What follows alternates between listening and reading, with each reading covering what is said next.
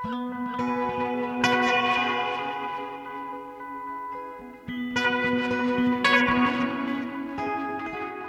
og sæl kærlustendur, viðsjá dagsins býður upp á pulsur og póesíu, lúsíuháttíð, kolbeinsei og vangaveltur um augun.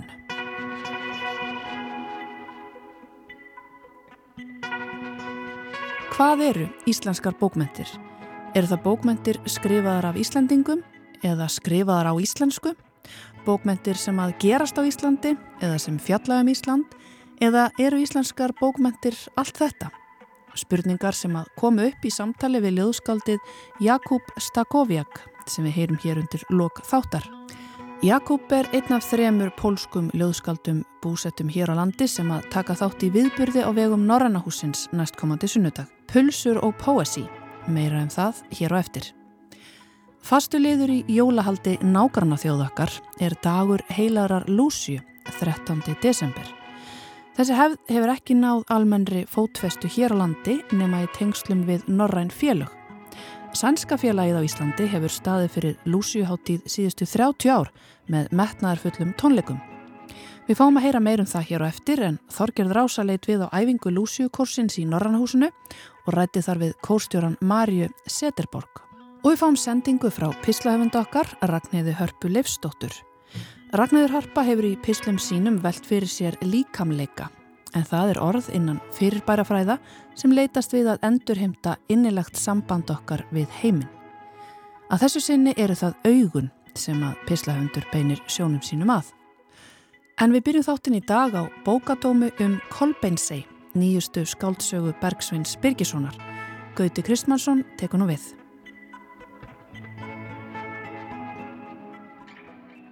Píkareskar skáldsögur svo kallaðar segja gætnan frá förðulegum æfintýrum all sérstæðarar personu sem eru á ferð og flýji. Það er ekki endilega mikið um röglegar eða frásagnarlega tengingar en það kemur margt óvænt upp á og þannig getur orðið mikil drift í frásagninni. Þessar sögur hafa verið kendar við rekjalóma, grallara og skálka á íslensku en oftast næri notast í tökvorðið held ég. Kolbeinsei, Bergsveins Birgissonar sver sig mjög í ætt við þetta frásagnarform, sem telja má klassíst, ofte talið að Lazarus frá Tormessi svo fyrsta, þótt finna með ímsa skilda þætti í Títægur Boccaccios og Kantaraborgarsögum Chaucers. Spánverjar eru skrifaði fyrir þessari hefð og eiga sinn mikla mistari í Cervantes, en síðar komu fram höfundar eins og Grimmelshausen og Tobias Smollett til að nefna tvo utan spánar. Marki segja líka byrting Voltaires og Lagsnes á íslensku vera skildan þessu söguformi. Aðalsöguhetjan sem segir frá í fyrstu personu þarf ofta að takast á við óvæntar aðstæður og þótt prósin sé nokkuð raunsæðislegur á yfirbörðinu þá er oftast vel tekt á trúverðuleikanum. En það er hluti og hlekkur þessa bókmyndaforms. Sama má segja í þessu tilfelli. Sagan fer með lesendur í ferð meirinn halvan ringin í kringum landið en einnig inn í hugarheima sögumannsins, sem hefur sögun á því að segja frá því að vinur hans hafi verið lagðurinn á geðdeild með þunglindi og hann ákveður að fara að heimsækja hann reglulega til að peppa hann upp. Reyndar fer það svo í upphafi að hann er kannski uppteknar af sjálfum sér en þunglinda vinninum, en þó fer svo að samband næst á milli þeirra.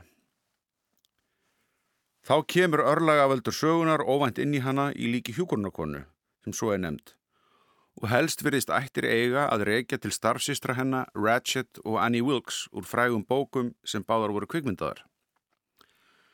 Þessi grótaska fígúra sem þeir félagarnir kalla Madame Hrislukvist er sangkallaður djöfull í mannsmynd og gerir í fyrstu allt til að koma í vekk fyrir heimsóknu sögumannsins til þunglinda vinnarsins og spröytar þann síðanemda niður með ofbeldi.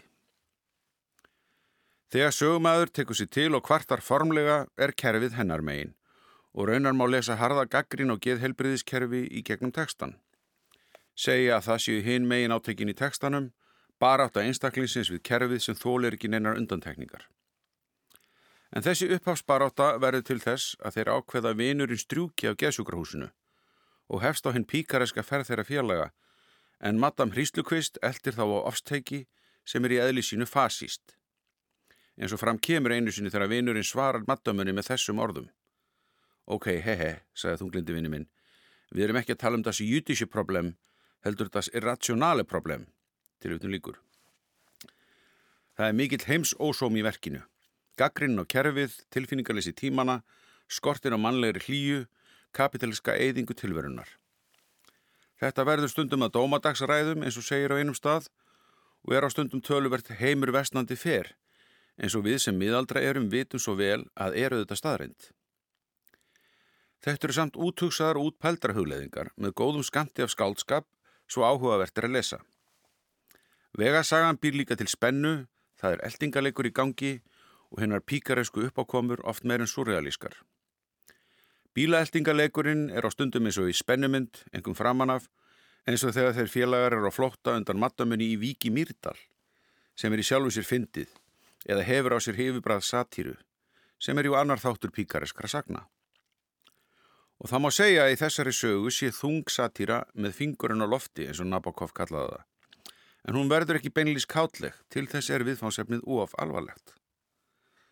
Sagan hverfist nefnilega um þunglindi, geðveiki og hvað það er sem verður til þess að manneskja glatar sjálfur sér í eigin huga.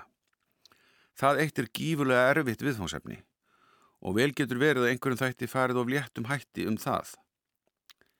Ég þó ekki þeirra skoðunar Gróteskan í sögunni er myndina fulltrú að skinnseminar, mattamunni sem veit að það er skinnsamlegast að þunglindi vinnurinn sé gemdur á stopnun og að leytir að félagi eftir frelsi sé óráð og vittlisa. Samræður vinana um geðveikina og geðviki heimsins eru þessuna allegoreiskar á einhvern hátt. Geðviki þeirra er geðviki heimsins alls og endanum samsamast þessir geðviku heimar einstaklingana og veraldarinnar. Ég þykist sjá að örlítið þessum samræðum þeirra félaga eigi síðan ættir að reykja til Taurafjáls Tómasar Manns eins og létt vísun sögumanns bendir til. Til utun hefst. Það var andi húmanismans sem aftur er sá sami og andi listarinnar og um leið sá sami og á að vera andi pólitíkurinnar eins og dannaði maður bendi á í annars langdreginni sögu. Þessu litla virki spíritus húmanus en nú farið að svipa til þessara mustera tíndra trúabræða sem þeir finnum leið og þeir fella regnskógin tilvöldun líkur. Dálítill bói dreyin yfir í samtíman frá henni löngu sögu sem paradöraði einmitt erindi eða erindisleisu humanismas eftir stríðið stóra og fyrra á 20. öld.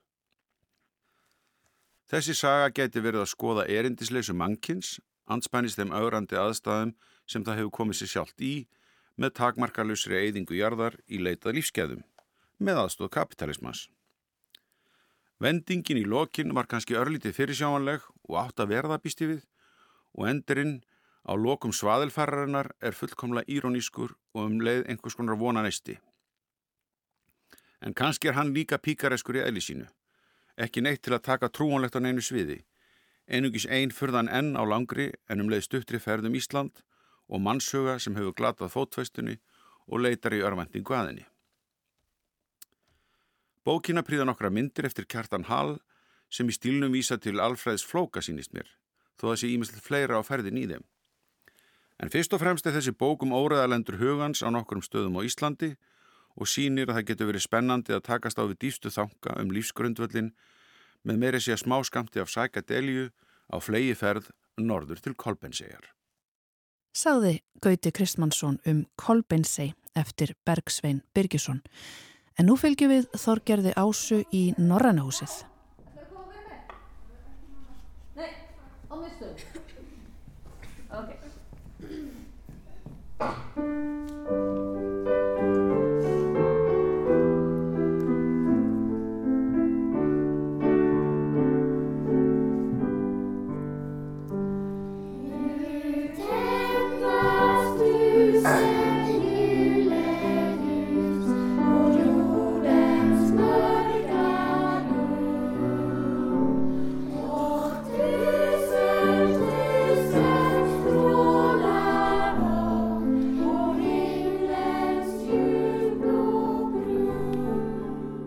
Kórin heitir bara Lucia-kórin eða Lucia-kórin og er náttúrulega sænskur kór.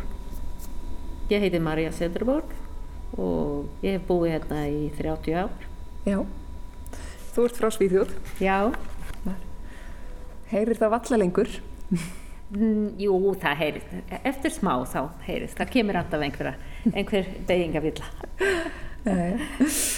um, já, hvað hefur þessi kór verið lengi starfandi? Já, þetta er 30. árið sem að þetta er gert. Byrjaði svona freka lítið þegar ég var eh, nefandi í háskólanum í íslensku og þá voru við nokkur, nokkur svíjar þar sem að e, stopnu kórinn. Við vorum kannski svona tíu í mestalagi og sungu fyrir, þá fyrir e, e, kennarar í háskólanum og hérna í Norræna húsinu þar sem við æfum. Þannig að þið kynntust bara eitthvað svona fyrir tilvílun, svona eins og maður finnur gerna landa sína. Já, já, ég held það sé nú ekkert margir af þeim eftir núna sko, það eru flestir bara farnir til Svíþjóðar, flestir, já. Mm -hmm. En svo þróaðist þetta smám saman í stærri og stærri. Akkurat. Já, svo er gaman að segja frá því að þetta er, eh, við ætlum að halda upp á e, eh, þrítugsamali kórsins með því að e, e, syngja uppálslögin okkar og prógramir er kannski aðeins í lengra kantinum en það voru sumlaug sem voru alls ekki hægt að sleppa. En þetta eru allt jólalög, er það ekki? Já, þetta er allt jóla og aðvendulög. Einmitt. Já, sumlaug eru kannski svona, það var tegja aðeins til að kalla jólalag en það, það er samt svona hefð fyrir því að það sé já, já, já. Sungið á þessum tíma. Þið ætlaði ekki að taka að du gamla, du fría. Nei.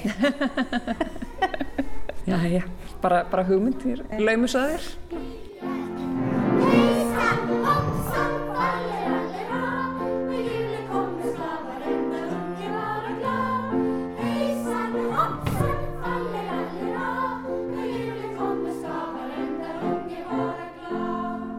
Eru ykkurir upprunnalegir kór meðlumir?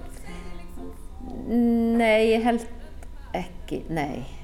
Nei, nei, það er það ekki. en sumir hafa verið ansilengi?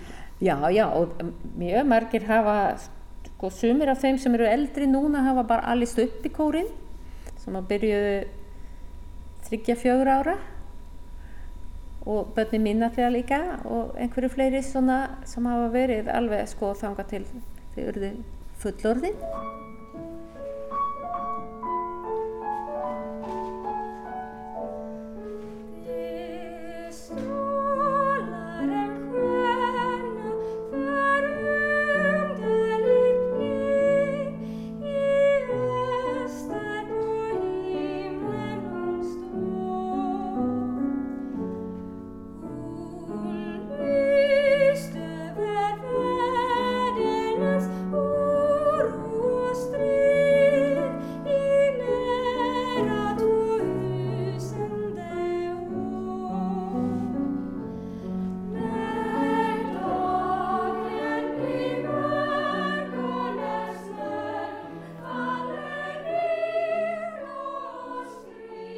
Þetta er ekki bara stúlknakór eða?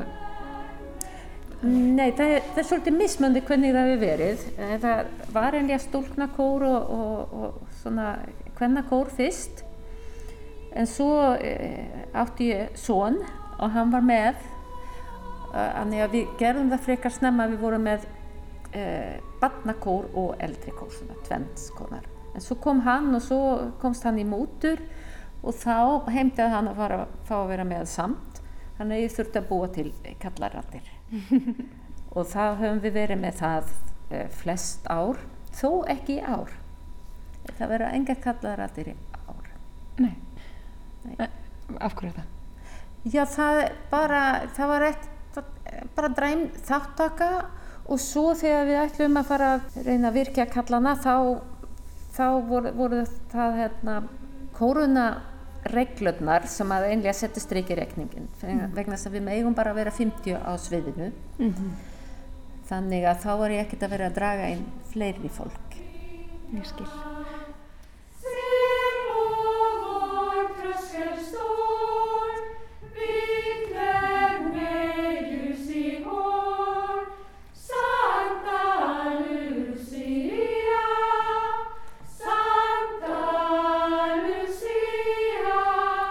Lucia lægið sjálft, það löpum við inn á. Já. og ég legg ekki í það að syngja það í rattir þegar það er svo löng, það svo löng röð og þá er svo auðveld að maður kemur frá hvert annað ef maður er að syngja í röttum þannig að mm -hmm. e, það þarf einmislegt að hugsa þegar það er svona kór sem bara kemur saman stutt á hverju ári og sumir fólk er missvand að syngja mm -hmm. Þannig að e, þá þarf maður að passa það að rattinar séu ekkert og ég er oft, og svo er ég með hljómsveit þannig að þeir styðja þá rattirnar. Hvaða hljófari? Já, það er hérna piano, flauta, trombett, harpa, fiðlur og cello og bassi. Vá, það er bara næstu í heil symfóníu. já, já, það er bara húsband. já. já. En þú nefndir að, að píjánuleikarinn ykkar ætti ykkur útsendingar líka. Hvað heitir hún? Hún heitir Haldóra Aradóttir. Já. Hefur hún verið lengi? Hún hefur verið síðustu, allir að sé ekki tíu ár. Já. Þá mistum við hérna eh, píjánuleikara sem var sænsk. Ok. Já, þá fluttu hún til Svíþjóðar.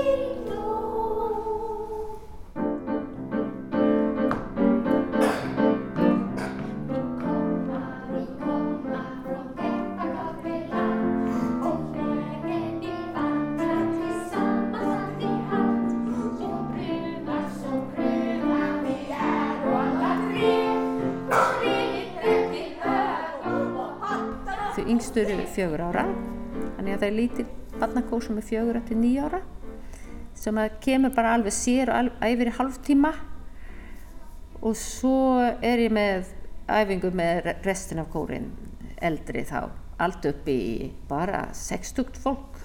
Þetta er vendilega ekki þitt eina starf?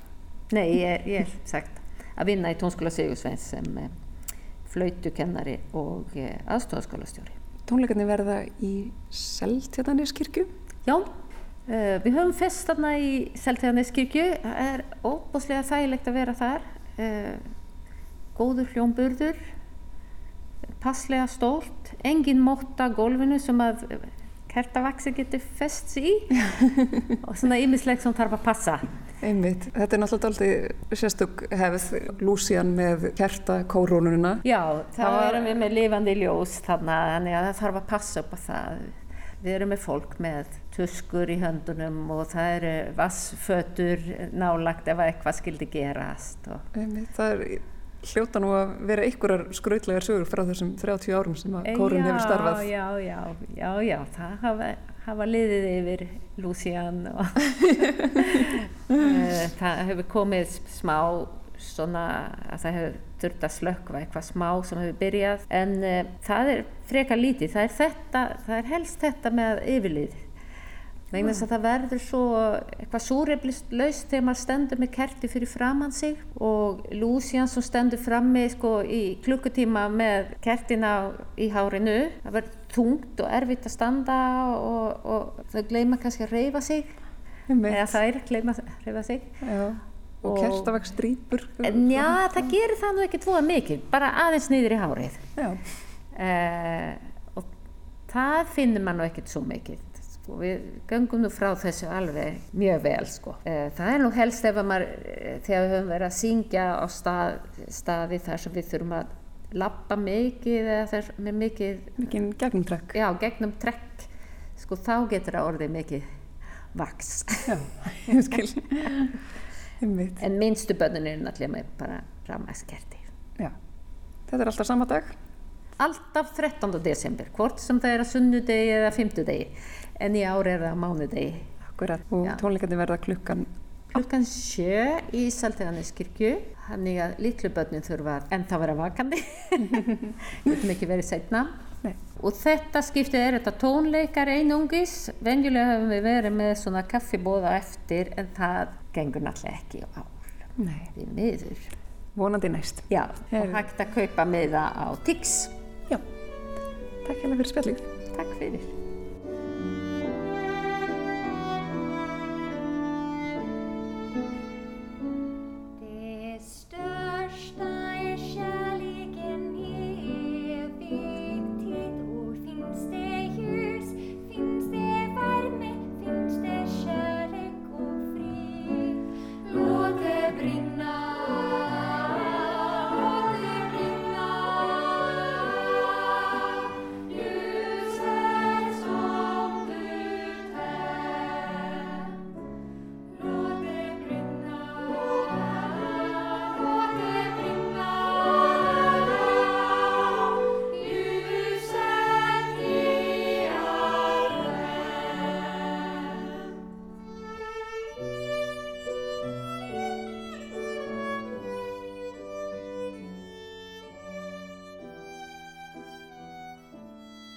Þorgerður Ása leið þarna við á æfingu Lúsiukórsins í Norrannahúsinu og rætti við kórstjóran Marju Seteborg.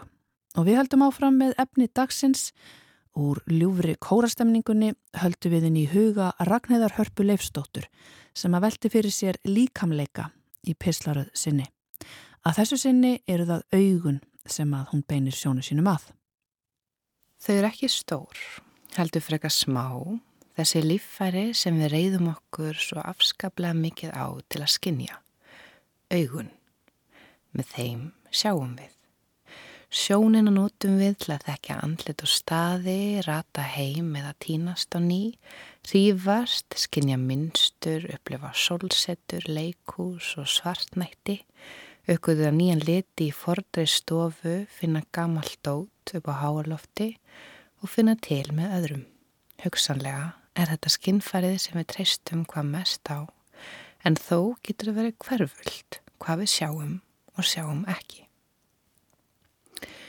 Augun eru líffæri sem skinnja ljós og gera dýrum kleift að sjá. Þau nema ljós og senda upplýsingarnar áfram sem taugabóð. Þau eru flókin kerfi sem sapna saman ljósi nota ljósop til að stýra hver mikið ljós kemst inn, skerpa á ljósinu með því að beina því gegnum linsur sem augað getur stilt, umbreyta myndin í taugabóð og senda það áfram með sjóntauginni til sjónstöðva heilans. Augað nefnur ljós. Við sjáum ekki beinlinni sporðið sem er fyrir fram á nokkur, heldur hvernig ljósið fellur á það. Í myrkri væri það varla til fyrir augunum á okkur. Við konumst við hvernig augasteinin mingar og stækkar eftir því hvort við komum inn í bjart eða myrkt rými. Þetta er ekki beinlinis augasteinin. Hann er sjálfur í augnknettinum og er glær hörð kúla eins og alvöru stein. Hann er augnlinsan og sjáaldrið er ljósopið sem leipir ljósi inn í auga á sjónuna aftast í augnettinum sem samsvarar filmu í gammaldags myndavél. Sjáaldrið virðist vera svart vegna þess að vefir inn í auganu gleipa mest allt ljósið sem berst innum það. Það eru ringvöðvarnir utanum sjáaldrin sem dragast saman og í sundur. Þegar vöðvarnir dragast saman minga sjáaldrin og hleypa minni byrtu inn í augun þegar við erum stött í mikilli byrtu til dæmis og öfugt. Við konumst við að venjast myrkri hægt og rólega. Allt í hennu förum við að sjá borðið í rýmunu sem áður var kannski alveg svart. En það sem vekur eftirtækt mína er að sjáaldrin bregðast ekki aðeins við ljósi. Þau geta bregðast við tilfinningum eins og óta eða sorg eða þegar við finnum fyrir óvæntum sásöka í líkamannum. Sumuleiðis andlegri reynslu eins og þegar við þurfum virkilega að einbytta okkur eða muna eitthvað sem við komum ekki alveg fyrir okkur. Ég veit ekki með ykkur, en þegar ég hugsa um þetta dregst ég svo að orðinu ljós, augað nefnur ljós. Ég fyrir að hugsa hvað ef við hefum fæðst við aðrar aðstæður til að mynda elgós, þar sem heiminin fyrir ofan okkur væri dimmari. Hvað ef við hefum þurft að reyða okkur miklu frekar á hernina eða önnur skinnfari eins og þau sem fæðast ekki með sjón eða missana. Ef þú hugsaður um það, þá er það að lesa bók ekki annað en að horfa á stafi á síðu klukkutímum saman og meðan framkallast alls konar myndir í hugum okkar. Segjum að gemverur kæmu hinga til að fylgjast með atferðli mannana og sæja þetta. Mannesku sitja í stól og lesa bók heilt kvöld. Hvað ætlum sé að gera?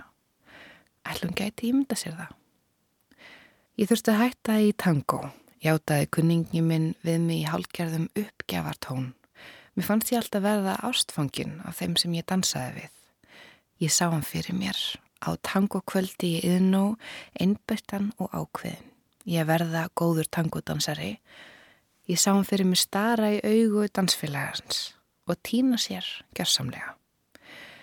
Augun eru glöggi sálarinnar, maldaðan í móin. Tangoskurnir komnir upp á hilluna um sinn. En það er eitthvað til í þessu hugsa ég og rifi upp þær ótal mörgu senur í bíómyndum þegar augu söguhetjana mætast og skyndilega hljónar heimurinn í kringum þau. Einhver tenging verður til þegar við horfumst í augu við annað fólk. Með þeirri gjörð erum við að segja já, þú ert hér og ég er hér og ég sé þig og þú serð mig. Það er ótækt að senda einhvern úr landi sem þú hefur hort í augun á. Það er auðveldara ef manneskjan er bara tölustafur á bladi. Já, ég sé þig og þú serð mig. Og ætli þar sé ekki einhver rót af væntum þykju og ekki er ég bara að tala um romantíska ást heldur er það að sjá hvert annað rótin að því að geta sett sig í spór hvert annars. Augun eru þau líffæri líkamann sem ljóðlistin hefur heitlast hvað mest af.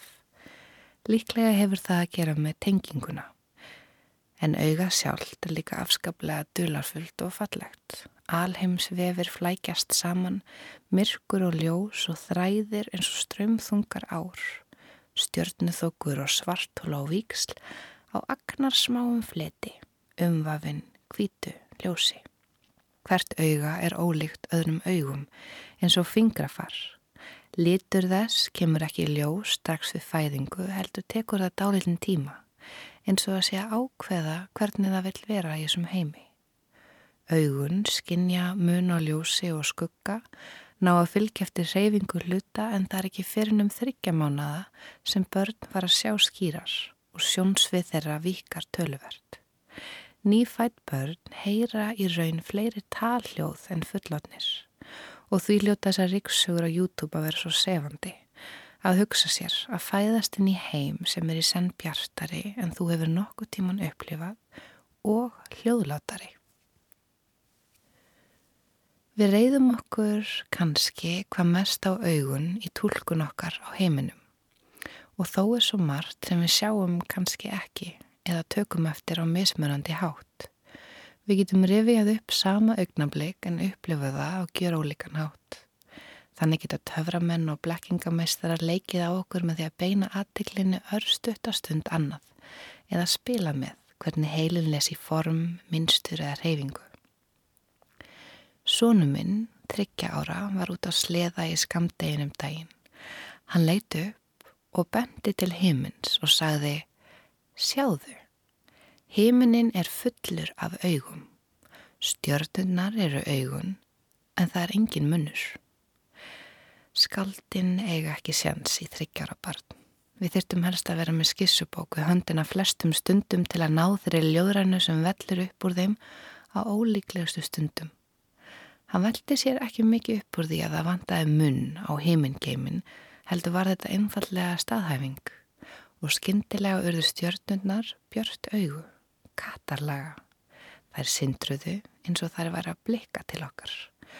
Og þarna stóðan í bláa kuldagalanum sínum stóð þarna eins og hver einasta manneska sem hefur einhver tíman verið til undir stjörnubjörtum heimni að horfa upp og reyna að skilja hvað gæti verið fyrir ofanan og um stund hver hann væri í samengi við þetta stóra og útskýrða. En svo leið stundin, leiftrið millir hans og augnana fyrir ofan og hann rendi sér niður litla hólinn.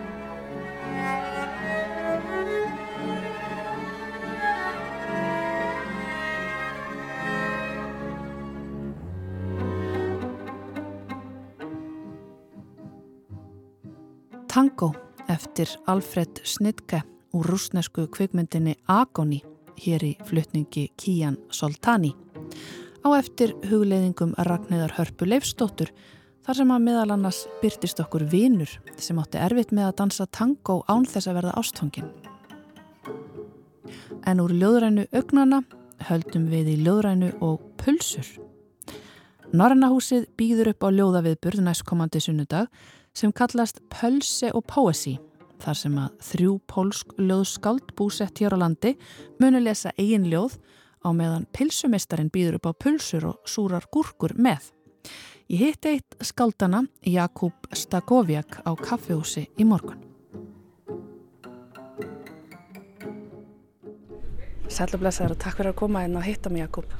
Takk fyrir, takk fyrir að bjóða mér og, og fá tækifæri til þess að spjalla við þig. Herðu, hvað er að gerast? Hvað stendur til í Norrannhúsinu? Pölsi og poesi. Hvers konar viðburður er þetta? Já, þetta er, þetta er uh, annar viðburður uh, svona slíkan. Það, það var áður held ég í, í sumars, júni eða í júli. Það sem hún Sofi, sem að hún er verskefnarstjóri eða bókmyndaviðbrutarstjóri á, á Norrænu og það, var, það voru líka svona pilsur og bjór og ljóða upplestus eh, það verða sem sagt pilsur og, og bæði sem sagt kjötutgáfa og, og veganútgáfa skilur en líka uh, guskur og svona dæmingist svona pólsk meðlæti uh -huh. og hérna og þá lesum við þrjú ljóð að, bæði á pólsku og íslensku uh -huh. Uh -huh. ég veit að Kamila ætlar að lesa ljóð á pólsku uh, svo er Má sem er uh, sem er líka pólsku og ég held að hún hún ætli að lesa einhver ný ljóð á íslensku og ég ætla að lesa uppur mínum bókum sem sagt uh, ný útkomnum uh, bókum úr næturborgum og polifóniu mm -hmm. Er stórt samfélag skrifandi pólverja? Er mikið af pólskum rítöfundum hér á landi eða hvað?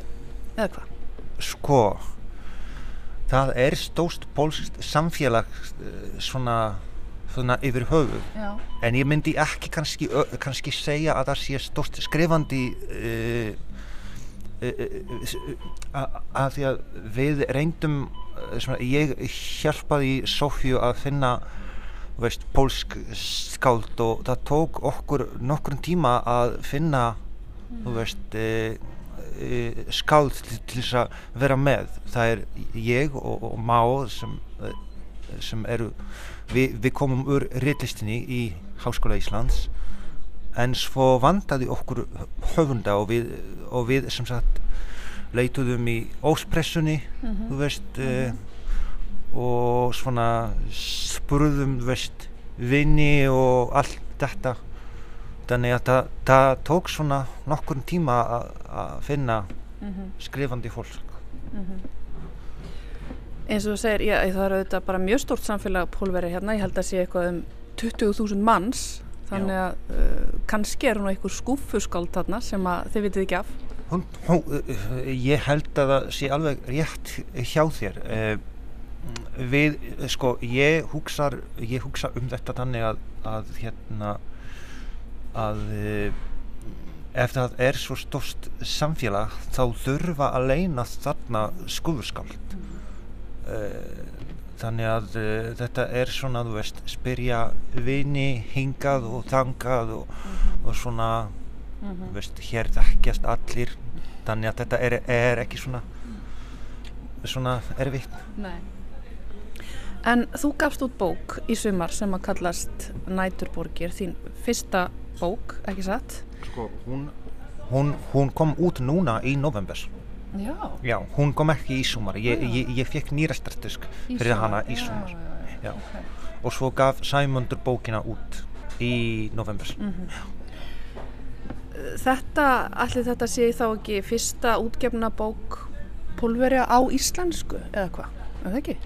Já, ég held það. Ég hef ekki hest um annað slíkt þú veist ég á mjög erfis með að tala um þessa bók sem sem, sem pólskar bókmendis mm -hmm. því að e, ég þetta er e, svona spurning um að hvernig þú flokkar bókina og, og, og svona bókmendir yfirleitt mm -hmm. e, ég var að skoða til dæmis þegar að þegar bókin kom út hvernig verslanir og bókasögn flokka bókina mm -hmm. og til dæmis Eymundsson flokkar hana bara sem íslensk uh, skáldskap og á borgarbókasafninu allavega þá, þá stendur bæði pólskar bókmendir og íslenskar bókmendis mm. ég myndi sjálfur ekki kalla hana pólskar bókmendis en þú veist það má líka flokka hana sem einflitjenda bókmendir hinsinn bókmendir því hún fjallar um hinsinn ást og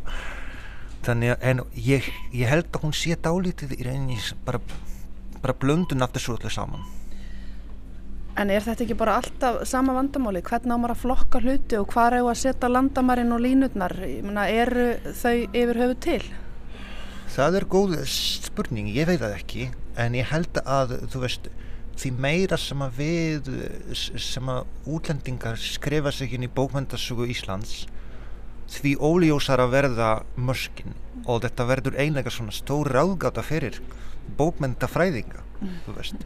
Eh, hvernig maður eh, bara þú veist hvað eru íslenskar bókmyndir eru þetta bókmyndir skrifaðar af, af, af Íslandingum eru þetta bókmyndir skrifaðar á íslensku? Mm -hmm. eða bókmyndir sem fjalla um Ísland? Mm -hmm. eða allt þetta saman, mm -hmm. ég veit það ekki Emmitt, og þarf manneski að vera staðsett hér á landi til að bókinn kallist Íslands, þarf hún að skrifa á íslenskir tungu eða er hægt að vera hér og skrifa á annari tungu og samt, þetta eru þetta bara einhverja línur sem að eru óljósar, alltaf Já.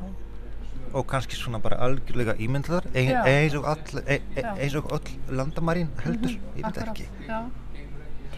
En hvenna byrjar þú að skrifa íslensku? Sko ég byrjaði að skrifa, það spyrja mig aldrei af þessu, kemur aftur. Uh, ég byrjaði að skrifa á íslensku fyrir svona fimm árum um, um, um, um það bíl og, þetta var á öðru ári í, í, í BA-náminu í íslensku sem öðru máli mm -hmm. og þá var ég í, í mjög skemmtilegu námskeiði sem að hér uh, Sandíma bókmendis og bókmendafræði með Hauki Ingvarsenni og Sýrgrunu Margreti Guðmundsdótturs og þetta var ótrúlega skemmtilegt námskeið, ég mæli með uh, við, við sem sagt uh, skellum okkur í leikhús og skrúðum gagdrinni, þetta var sem sagt fyrir COVID. Um, og uh, það komu líka rítvöndar til, til okkar og skáld og þess að spjalla um sinn ferlil og, og sín vesk og þar með fram göttunum og eitt af þessum höfundum var Fríða Ísberg þannig að hún kemur bara í stöfuna og hún fjallar um verkinn sín og, og ferri sín og, og ég sitt þarna og hlusta á hana og, og allir átta ég með því að hún er jafngumul mér. Og hún er búinn að gefa út bara, þú veist, fimm ljóðabækur og fimm skáltsugur og ég veit ekki hvað meira. Og e, þá fer ég að hugsa til æsku árana þar sem ég var að skrifa ljóð sjálfur og, og vann jáfnveil nokkur ljóðasamkeppni en hætti og, og var ekki að hugsa um skálskap í ótrúlega langan tíma, öruglega, veist, örumlega tíu ár, bara alls ekki neitt og það kom ekki neitt uh, og, e, og þá satt ég og hugsaði með mér af hverju á ég ekki að reyna að pára eitthvað á íslensku? Ég gerði það og allt í innu var þetta eitthvað ljóð og ég síndi þetta ljóð Sigrunu og, og hún segir mér heyrðu þetta er frábært, þú bara sett nýður og skrifar. Og ég bara klíti og hef ekki hægt síðan skilur auðvitað spyrjaði allir að þessari spurningu. Þá ætlum ég að spyrja það hvenar byrjaður bara almennt að skrifa? Hvenar fannstu svona þörfina? Bara hvað sem ungur drengur í Pólandi eða hvenar mannstu eftir því þú fórst fyrst að skrifa? Sko, ekki nákvæmlega þetta er mjög í þókunni en ætli ég ekki uh, hafa verið svona kannski 15 eða 16 ára þú veist skrifa einhverjum vissvönd ástarljóð á polsku og, og hérna ljóðin bara einhver veginn rötuðu til mín á, á, á þessum tíma og, en þá bara gerðist ímislegt og ég einhver veginn misti samband við skálskap eða veist, hætti að rækta þetta samband og hluga að þessu sambandi. Og ég fann aftur leiðin í skálskap í gegnum íslenskina í gegnum íslenskuna þannig að þetta er mjög svona í mínum huga algjörlega órjúvanlegt íslenska og skálskap ég gæð ekki hugsað mér að skrifa á neinu öðru tungumáli allavega núna skilur þau kannski breytist það en, en ekki núna skilur þau Þetta er hansið magnað að finna leiðina inn í skálskapin aftur með nýju tungumáli. Það er mjög frelsandi. Það er ótrúlega frelsandi. Það, er, það eru svo skapandi möguleikar í tungumálinu e, sjálfu. Og þetta er svo fyndir það, það segja mér allir að, að e, þú veist ég er með svona allt, allt aðra nálgun bæði að, að ljóðlist en líka bara tungumálinu. Ég er svona mikið, eins og svona bæði ég er í rauninni e, dálítið e, e, eins og full orðið barn skilur bara leika mér að, að orðum og setja saman þú veist þarna í næturborgum kemur fyrir þú veist fórstíðar saumnútið og eitthvað þannig. Ég er mikið svona að að leika mér og þetta er bara skemmtilegt ég held að þetta sé þetta skemmtilegasta sem ég hafi gæst í nokkur ár að skrifa á íslensku Vá, en dásanlegt að heyra. Ég er um til að hugsa þegar þú sagðir að þú er fundið leiðina inn í skálskapin sem unglingur. Alltaf það sé ekki tóliti algengt að við, veist, sem ekki flest allir unglingar liðlega ástarljóð og svo kannski missum við tengslinni mitt við skálskapin og hættum bara, það sé ekki margir sem að hætta yrkja eftir þessi stormasömu tilfinningar ykkur ár eða hvað heldur þú? Sko, ég held að ég var að hlusta á pistil einmitt um þetta sem að Dag Hjartansson var að lesa í sem sagt í, í Vissjá og, og hérna hjá, hjá, hjá ykkur og, og, og hann var að segja að, að e, þú veist ég myndi orða þetta þannig að, að við missum þetta þannig heldur hættum að hljúa að því að því að skald þetta er svo klísilegt en, en skaldskapur er e, eða veist e, þörf eða þörf til þess að skapa er í rauninni eins og garður. Þú þarf að einhver veginn horfast í augu við ljóðið eða malvesk eða hvað sem það er sem þú, sem þú ætlar að skapa og bara gefa sér svona leiði og tíma til þess að hlúa að þessum svona listaböndum. Mm -hmm. ég held það mm -hmm. Algjörlega. Hérna talandum tungumálið og, og orð sem er rauninni þú mótar auðvitað sem ljóðskáld þá hérna ég með hérna á mér uh, ekki reynda nætuborgir heldur Pólifóniu af erlendum uppruna sem að þú átt líka hluti og hér er eitt ljóð eftir þig. Þú byrjar nú á því að vera með vittnun hérna í steinunni Sigurðardóttur. Kannski þú lesir hana bara? Já.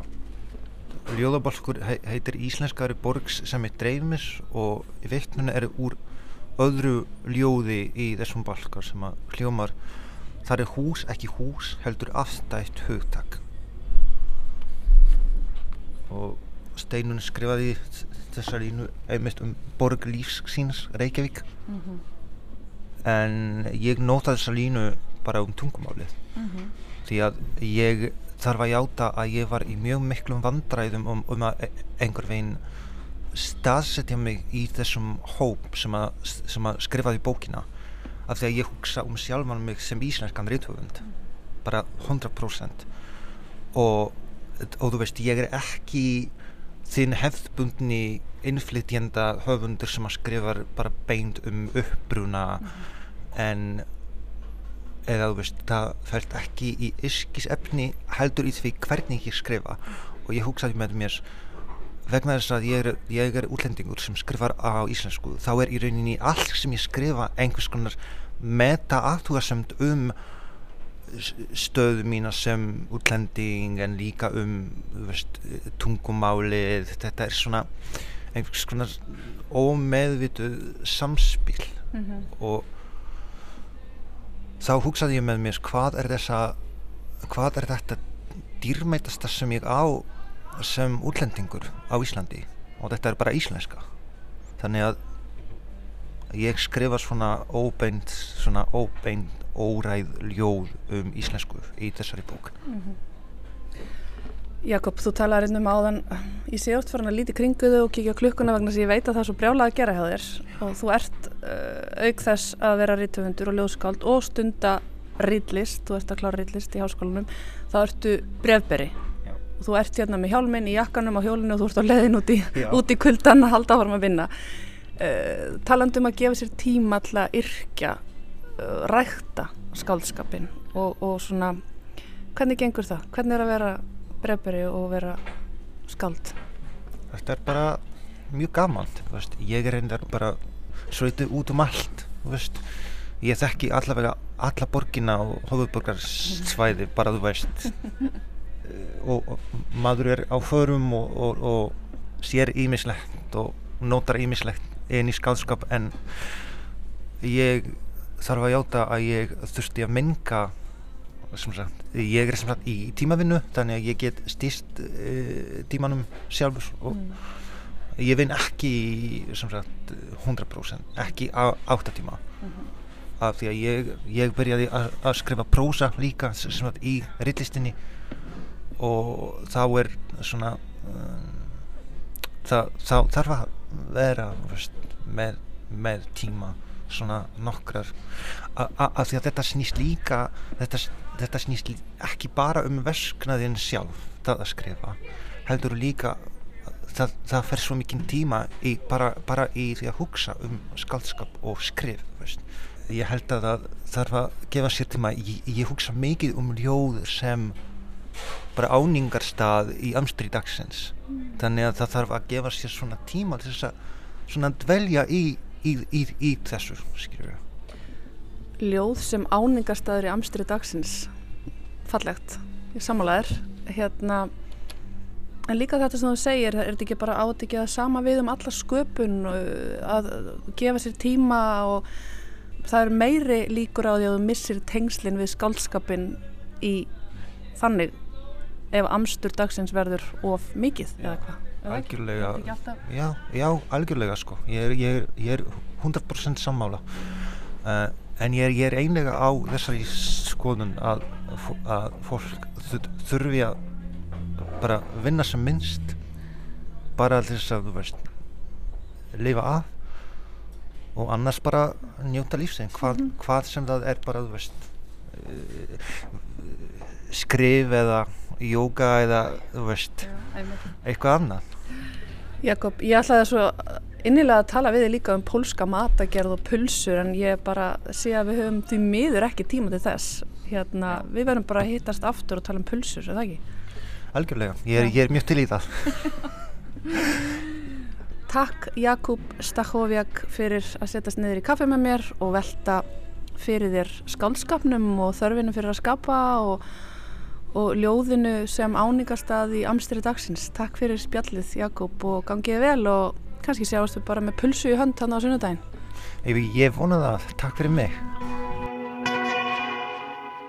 Og hér endur við viðsjá í dag á þessu samtali við Jakob Stakoviak með lofvorði um setni tíma spjall um pólska matargerð. Takk fyrir samfélgina í dag og verið sæl.